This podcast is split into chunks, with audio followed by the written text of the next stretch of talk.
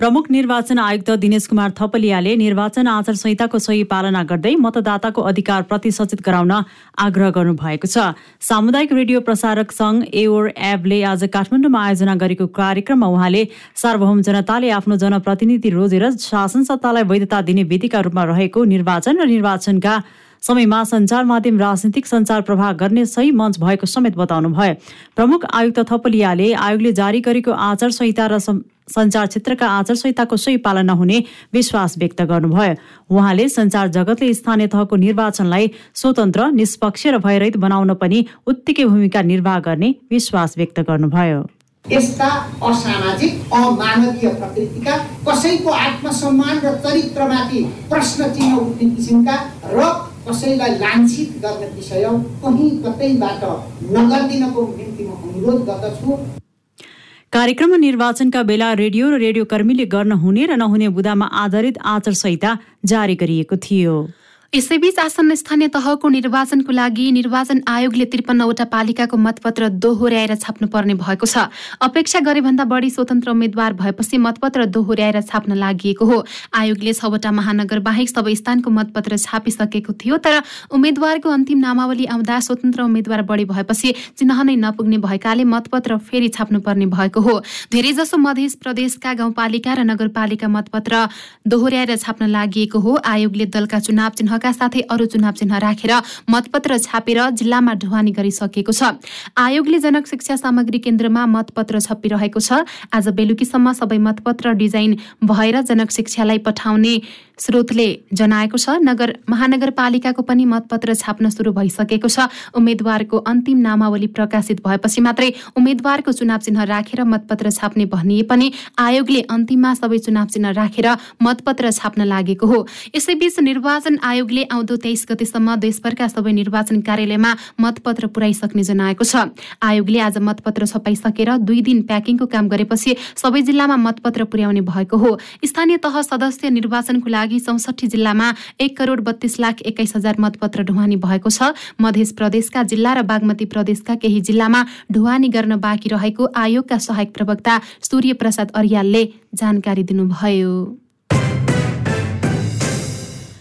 नेकपा माओवादी केन्द्रका अध्यक्ष पुष्पकमल दाहालले माओवादीले देशको नेतृत्व नछोडेको दावी गर्नुभएको छ। आज सञ्चारकर्मीसँग कुरा गर्दै दाहालले शान्ति प्रक्रियादेखि आजसम्मका सबै प्रक्रियामा माओवादीले नै नेतृत्व गरिरहेको दावी गर्नुभएको हो।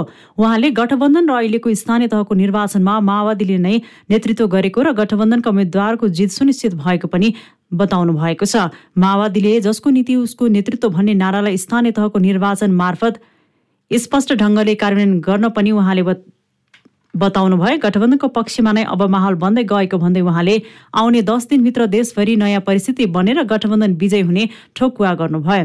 उहाँले गठबन्धनलाई तोड्ने षड्यन्त्र भइरहेको भन्दै गठबन्धनलाई जोगाउन पार्टी माओवादी नै भएको बताउनु भयो यस्तै दाहालले स्थानीय निर्वाचनले माओवादी केन्द्रलाई पहिलेभन्दा धेरै नै बढी सुदृढ गर्ने विश्वास व्यक्त गर्नुभयो।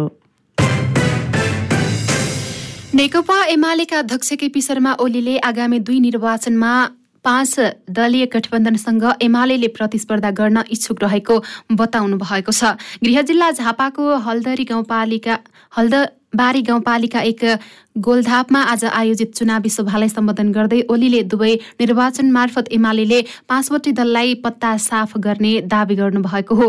उहाँले एमालेको शक्तिका कारण मुलुकको राजनीति नै दुई धारमा मात्रै सीमित बनेको टिप्पणी गर्नुभयो। पाँच दल मिल्दा पनि एमालेलाई हराउन हिम्मत गठबन्धनसँग नभएकाले वैशाख तीसको निर्वाचनमा बहुमत ल्याउने उहाँको दावी छ। यसैबीच नेकपा एमालेका तर्फबाट काठमाडौँ महानगरपालिका मेयर उम्मेद्वार केशव स्थापितले रश्मिला प्रजापति प्रकरणका आफ्नो दुई कुनै दोष नरहेको स्पष्ट पार्नु भएको छ। आज काठमाडौँमा मतदातासँगको अन्तर्क्रिया कार्यक्रममा स्थापितले विभागीय प्रमुखदेखि सबै मन्त्रालयका प्रतिनिधिले तत्कालीन अवस्थामा रश्मिला प्रजापति हटाउने निर्णय गरेको भन्दै यसमा आफ्नो कुनै भूमिका नरहेको स्पष्ट पार्नु भएको हो। महिला हिंसा भएको आरोप पनि निराधार भएको भन्दै आफूमाथि आशंका नगर्न उहाँले मतदातासँग आग्रह गर्नुभयो। स्थापितले अहिले चुनावका बेला आफूलाई बदनाम गराउन विपक्षीहरूले महिला हिंसाको कुरालाई अघि सारेको पनि तर्क गर्नुभयो। त्यस्तै एक युवतीको अनुहारको बारेमा दिएको प्रतिक्रियामा स्थापितले अमानवले बोलेको जस्तो गरी बोलेकाले आफूले थुत्नु ठिक छैन भनेको तर्क गर्नुभयो। तिमी चाहिँ सारी राम्री छौ बाहिरबाट तर थुत्नु चाहिँ ठिक छैन म फेरि पनि भन्छु क्या फेरि पनि भनिदियो मेरो प्रवृत्ति यही हो। मैले चाहिँ दुई वर्षमा काल भैरव प्र्याक्टिस गरेको। काल भैरव अब चाहिँ तपाईँ भन्नु न अलिअलि भैरव पनि देखाउनु हेप्छ नि हो मेयर त। त्यस्तै उहाँले प्रमुखमा विजय भए आफूले महानगरवासीको समस्या समाधान गर्ने प्रतिबद्धता व्यक्त गर्नुभयो। नेपाल पत्रकार महासंघले विश्व प्रेस स्वतन्त्रता दिवस प्रविधि नियन्त्रित पत्रकारिता मूल नाराका साथ विभिन्न कार्यक्रम गरी मनाएको छ। विश्व प्रेस स्वतन्त्रता दिवसका अवसरमा नेपाल पत्रकार महासंघले प्रेस तथा अभिव्यक्ति स्वतन्त्रताको पक्षमा खटिँदा दिवंगत भएका पत्रकारप्रति श्रद्धाञ्जली व्यक्त गरेको छ।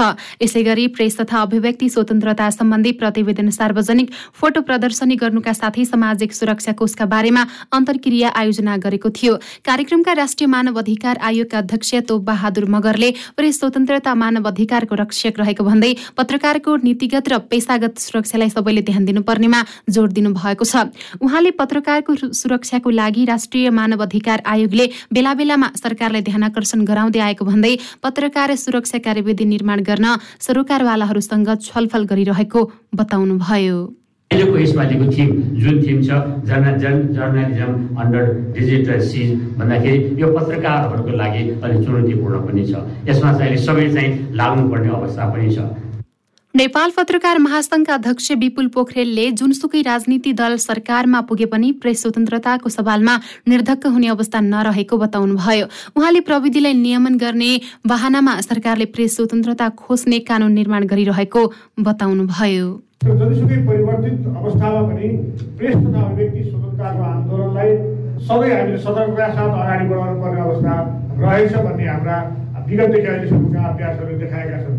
शासन सरकार वा जोसुकै भए पनि प्रेसलाई नियन्त्रण गर्ने मनसुवा शासनकर्ताहरूबाट चाहिँ हट्न नसकेको अनुभूति सूचना तथा प्रसारण विभागका महानिर्देशक गोगन बहादुर हमालले प्रेसले राज्यका सबै अङ्गलाई प्रभाव पार्ने भन्दै सरकार र नागरिकलाई सकारात्मक दिशातर्फ प्रेरित गर्न भूमिका खेल्नुपर्ने बताउनुभयो। त्यसै गरी महासंघका महासचिव रोशन पुरीले श्रमजीवी पत्रकारका समस्या सम्बोधनमा सरोकारवाला निकायले ध्यान दिनुपर्नेमा जोड दिनुभएको छ।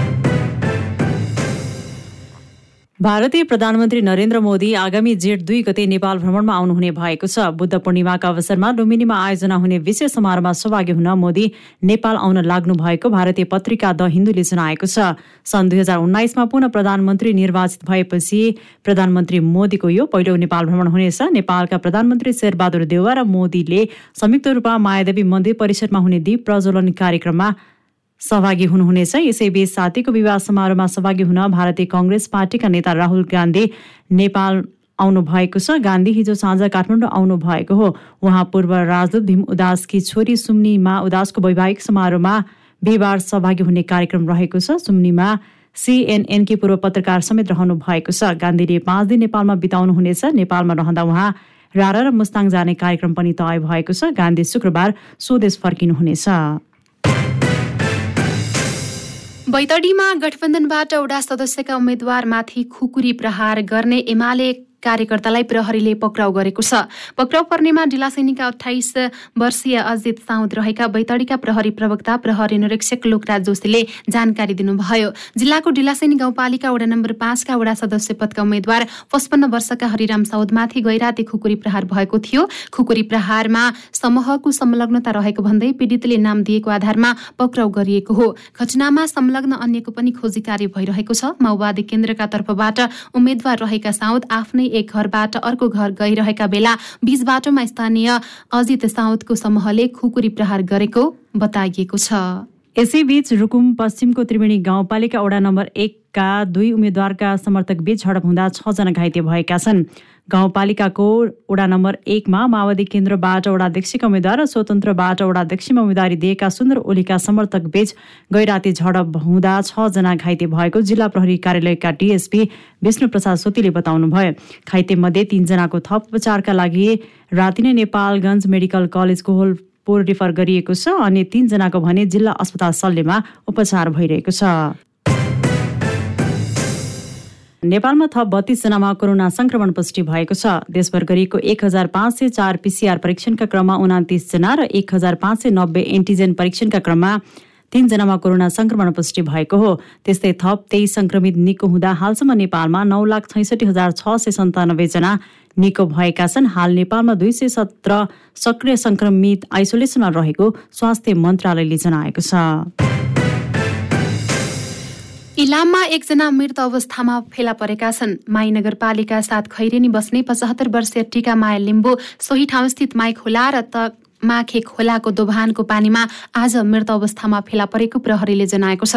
यता सुनसरीमा पनि एकजना मृत अवस्थामा फेला परेका छन्। सुनसरीको कोशी गाउँपालिका चार स्थित नालीमा सोही गाउँपालिका साथ हरिपुर बस्ने पैँतालिस वर्षीय सुनिल मुखिया आज मृत अवस्थामा फेला परेका हुन्।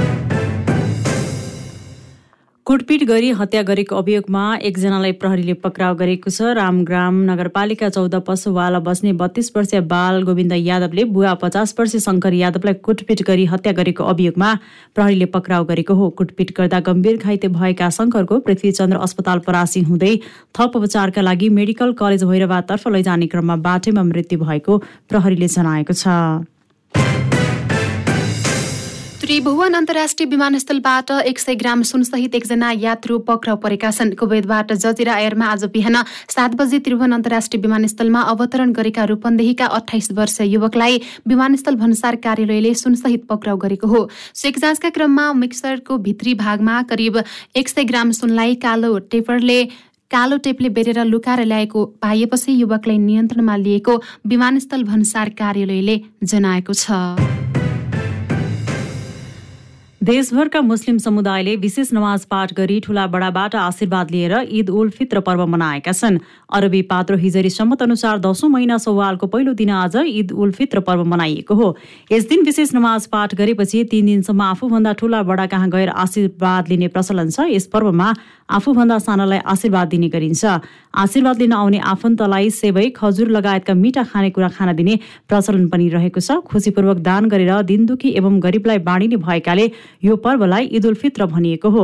अरबी पातो अनुसार नवौं महिनाको अन्तिम दिन चन्द्रमा देखिएपछि ईद उल फित्र मनाउने कार्यक्रम तय हुने गरेको छ। सरकारले ईद उल फित्रको अवसरमा आज सार्वजनिक विदा दिएको थियो। यसैबीच प्रत्येक वर्ष वैशाख शुक्ल तृतीयका दिन मनाइने अक्षय तृतीय पर्व आज सातु र शर्बत खाएर मनाइएको छ। आज शुद्ध जल तामा वा माटाका भाँडामा राखी दालचिनी ल्वाङ सुकमेल अलैँची मह चिनी सक्खर र मिश्री मिसाएर शर्बत बनाए घडा र जौको सातु दान गर्ने परम्परा रहेको छ। जौको सातु र शर्बत वैशाखको गर्मीमा अमृत समान हुने भएकाले दान गर्ने र आफूले पनि खाने परम्परा रहिआएको छ। गर्मीबाट शरीरलाई बचाउन दुवै चिजले सहयोग गर्ने र यसबाट शक्ति समेत प्रदान हुने विश्वास रहिआएको छ।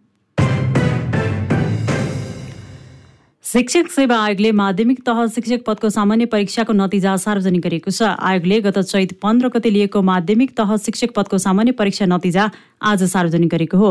सो पदका लागि एक हजार पाँच सय बाहन्न रिक्त दरबन्दी शिक्षक पद पूर्तिका लागि सामान्य विषयको परीक्षा सञ्चालन गरिएको थियो। आयोगले सार्वजनिक गरेको नतिजा अनुसार बत्तीस हजार सन्तानब्बे जना सहभागी मध्ये तीन हजार आठ सय छयासी जना परीक्षार्थी उत्तीर्ण भएका छन्। परीक्षाको नतिजामा चित्त नबुझी पूर्ण योग गर्न चाहने परीक्षार्थीले वैशाख छब्बिस गतेभित्र आवेदन दिन सक्ने पनि आयोगले जनाएको छ। यस्तै आयोगले सम्बन्धित शिक्षा विकास तथा समन्वय एकाइले आयोगको सूचनालाई आधार मानेर निवेदन लिई दिन समेत अनुरोध गरेको छ। म्याच समाप्त भएको मितिले सात दिनभित्र निवेदकहरूको समष्टिगत विवरण समेत तयार गरी निवेदनसहित आयोगमा पठाउने व्यवस्थाको लागि आयोगले एकाइलाई पनि सूचित गरेको छ। अर्थमन्त्री जनार्दन शर्माले वित्तीय सुशासनको क्षेत्रमा इमान्दारिता स्वच्छता र जिम्मेवारी बोधको आवश्यकता रहेको बताउनु भएको छ। आज काठमाडौँमा नेपाल चार्टर एकाउन्टेन्ट संस्थाले आयोजना गरेको राष्ट्रिय भेलालाई सम्बोधन गर्दै अर्थमन्त्री शर्माले वित्तीय सुशासनका लागि लेखा परीक्षण निकाय नियमनकारी संस्थाहरूको भूमिका सही हुन नसक्ने त्यसले धेरै फरक पार्ने बताउनु भएको हो। उहाँले नियामकीय सङ्घ संस्थाहरूमा एउटा टुल्स प्रयोग गर्नेमा अर्को प्रयोग गरेमा त्यसले ठूलो चुनौती ल्याउने महसुस आफूले गरेको धारणा राख्नुभयो। अर्थमन्त्री शर्माले टुल्स प्रयोग गर्दा व्यक्तिगत स्वार्थ राख्यो भने त्यसले राष्ट्रिय रूपमा ठूलो समस्या ल्याउने देखिएको जिकिर गर्नुभयो। उहाँले अडिट भनिरहँदा हिसाब किताब मात्र नभई देशको विभिन्न क्षेत्रको अडिट गर्नुपर्ने बताउनु भयो उत्पादनको र कृषि जमिन श्रम देशको बहुआयामिक गरिबी लगायतको पनि अडिट गर्नुपर्ने उहाँको भनाइ छ। उहाँले आजका दिनमा अर्थ क्षेत्रमा देखिएको समस्याको जिम्मेवारी आफू भए पनि हिजोका दिनमा भएका गलत अडिटको पनि खोजी गर्ने स्पष्ट पार्नुभयो। वित्तीय सुशासन र त्यसभित्रको पहल कदमी लिनका लागि अथवा लेखा परीक्षणहरूको अथवा नियमनकारी संस्थाहरूको सही पहल भएन र वित्तीय सुशासन भएन भने त्यसले धेरै ठुलो प्रभाव पार्छ। यति राम्रो हावापानी हुँदाहुँदै पनि उत्पादनशील जमिन हुँदाहुँदै पनि हामी आयात गरेर तिन खरबका खाद्य वस्तुहरू किन ल्याउँछौँ? यसको अडिट गर्नुपर्ने भएको छ। उहाँले नेपालमा उत्पादनको क्षेत्रमा तीन खर्बको खाद्य वस्तु आयात गर्नुपर्ने अवस्थाको पनि परीक्षण गर्नुपर्ने धारणा राख्नुभयो। सरकारले इन्टरनेट सेवा प्रदायकहरूलाई विदेशमा ब्यान्डविथ आयात गरे बापतको शुल्क भुक्तानीको लागि डलरको सटही सुविधा दिने भएको छ। इन्टरनेट सेवा प्रदायक संघ नेपाल आइस्पानका अध्यक्ष सुधीर पराजुलीका अनुसार संचार तथा सूचना प्रविधि मन्त्रालयले अब डलरको सटहीको लागि सिफारिस गर्ने सहमति भएको जनाएको छ।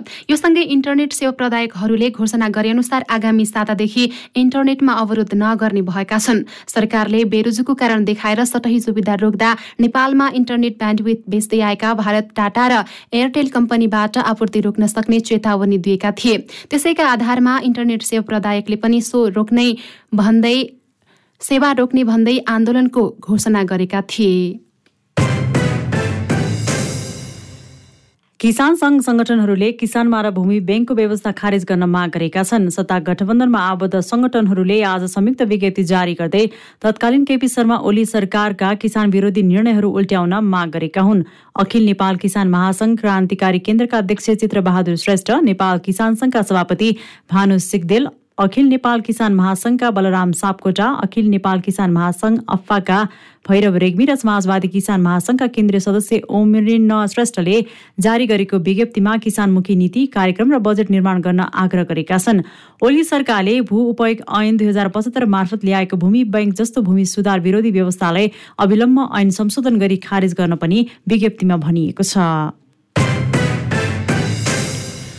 चालु आर्थिक वर्ष दुई हजार अठहत्तर उनासीको पहिलो नौ महिनामा सरकारले लक्ष्य गरेको मध्ये अन्ठानब्बे दशमलव दुई सात प्रतिशत राजस्व सङ्कलन गर्न सफल भएको छ। अर्थ मन्त्रालयका अनुसार सो अवधिमा सरकारले कुल आठ खर्ब सत्ताइस अर्ब सतासी करोड रुपियाँ राजस्व सङ्कलन गरेको हो।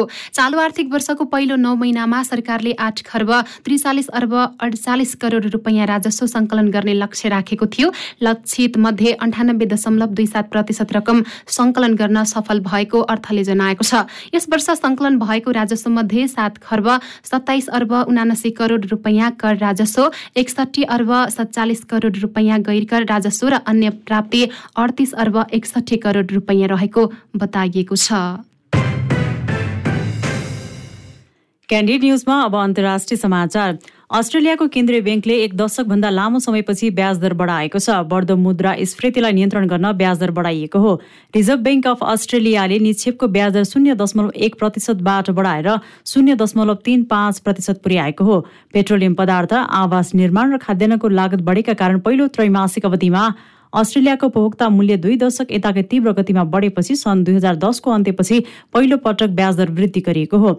अस्ट्रेलियाको रिजर्भ ब्याङ्कका गभर्नर फिलिप लोबोले महामारीको समयमा अस्ट्रेलियाको अर्थतन्त्रलाई मद्दत गर्नका लागि राखिएको मौद्रिक समर्थन स्वरूप सो नीति लिएको बताउनु भएको छ। यस्तै उहाँले अपेक्षाभन्दा छिटो वृद्धि भए पनि बेरोजगारी कम हुने र ज्यालामा वृद्धि सुधार हुने पनि प्रतिक्रिया दिनुभएको छ। अस्ट्रेलियामा आम चुनावको तयारी हुँदै गर्दा ब्याज दर वृद्धि हुँदा ऋणको ब्याज पनि बढ्ने र त्यसले घरायसी बजेटमा थप दबाव बढ्ने अनुमान गरिएको छ।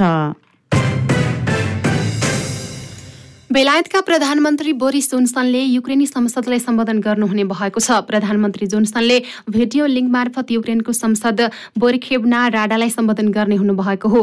गत फेब्रुअरी चौबिसमा रुसले आक्रमण थाले यता विदेशी नेताले युक्रेनी संसदलाई सम्बोधन गर्न लागेको यो पहिलो घटना भएको बिबिसीले जनाएको छ। सम्बोधनका क्रममा जोन्सनले युक्रेनका लागि थप तीस करोड पाउन्डको नयाँ सैन्य सहायता घोषणा गर्ने जनाइएको छ। नयाँ सैन्य सहायतामा जसमा विद्युतीय युद्ध उपकरण एक एकाइ काउन्टर ब्याट्री रडार प्रणाली जिपिएस जामिङ उपकरण र हजारौँ रात्रिकालीन दृष्टि उपकरणहरू समावेश हुनेछन्। यसैबीच रुसले इजरायलमाथि नव नाजीहरूको समर्थन गरेको आरोप लगाएको छ। रुसको रक्षा मन्त्रालयले विज्ञप्ति जारी गर्दै इजरायलले नव नाजीहरूलाई समर्थन गरेको आरोप लगाएको हो। केही दिनअघि रुसी विदेश मन्त्री सर्गेई लाब्रोभले जर्मन तानाशाह एडोल्फ हिटलर यहुदी मूलका भएको आधारहीन दावी गरेपछि दुई मुलुकबीच तनाव उत्पन्न भएको हो। विज्ञप्तिमा यसबाट किन इजरायली सरकारले किममा रहेको नव नाजी सत्तालाई समर्थन गरिरहेको छ भन्ने थाहा लागेको उल्लेख गरेको छ।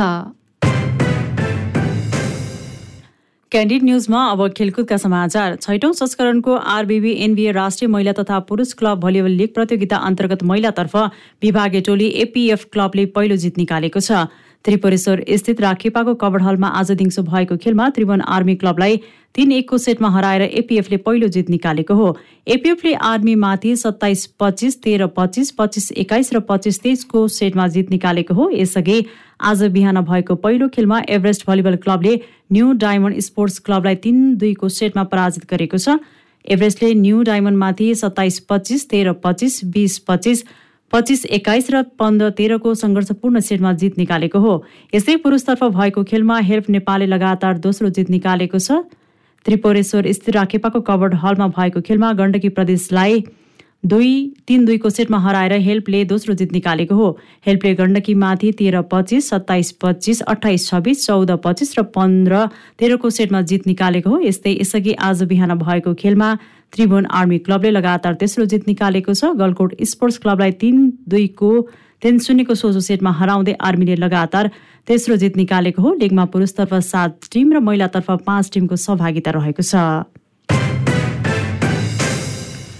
र Indian premier league IPL T twenty क्रिकेटमा आज एक खेल हुँदैछ। गुजरात टाइटन्स र पन्जाब किङ्स बीच मुम्बई डिवाई क्रिकेट मैदानमा हुनेछ। गुजरात र पन्जाब बीचको खेल बेलुकी पाउने आठ बजे सुरु हुनेछ। गुजरात आज नवौं जितको खोजीमा रहेको छ। गुजरात नौ खेलमा आठ जितसहित सोह्र अङ्क जोडेर शीर्ष स्थानमा रहेको छ। गुजरात पन्जाबले हराउँदै शीर्ष स्थानको अग्रता यथावत राख्न चाहन्छ। यता पन्जाब जित निकाल्दै प्ले अफ पुग्ने सम्भावना कायम राख्ने योजनामा रहेको छ। यसै गरी पन्जाब अघिल्लो भेटमा बेहोरेको हारको बदला लिन चाहन्छ। यस मा भएको यसमा भएको खेलमा गुजरातले पन्जाबलाई छ विकेटले हराएको थियो। पन्जाब नौ खेलमा आठ अङ्क जोडेर आठौँ स्थानमा रहेको छ।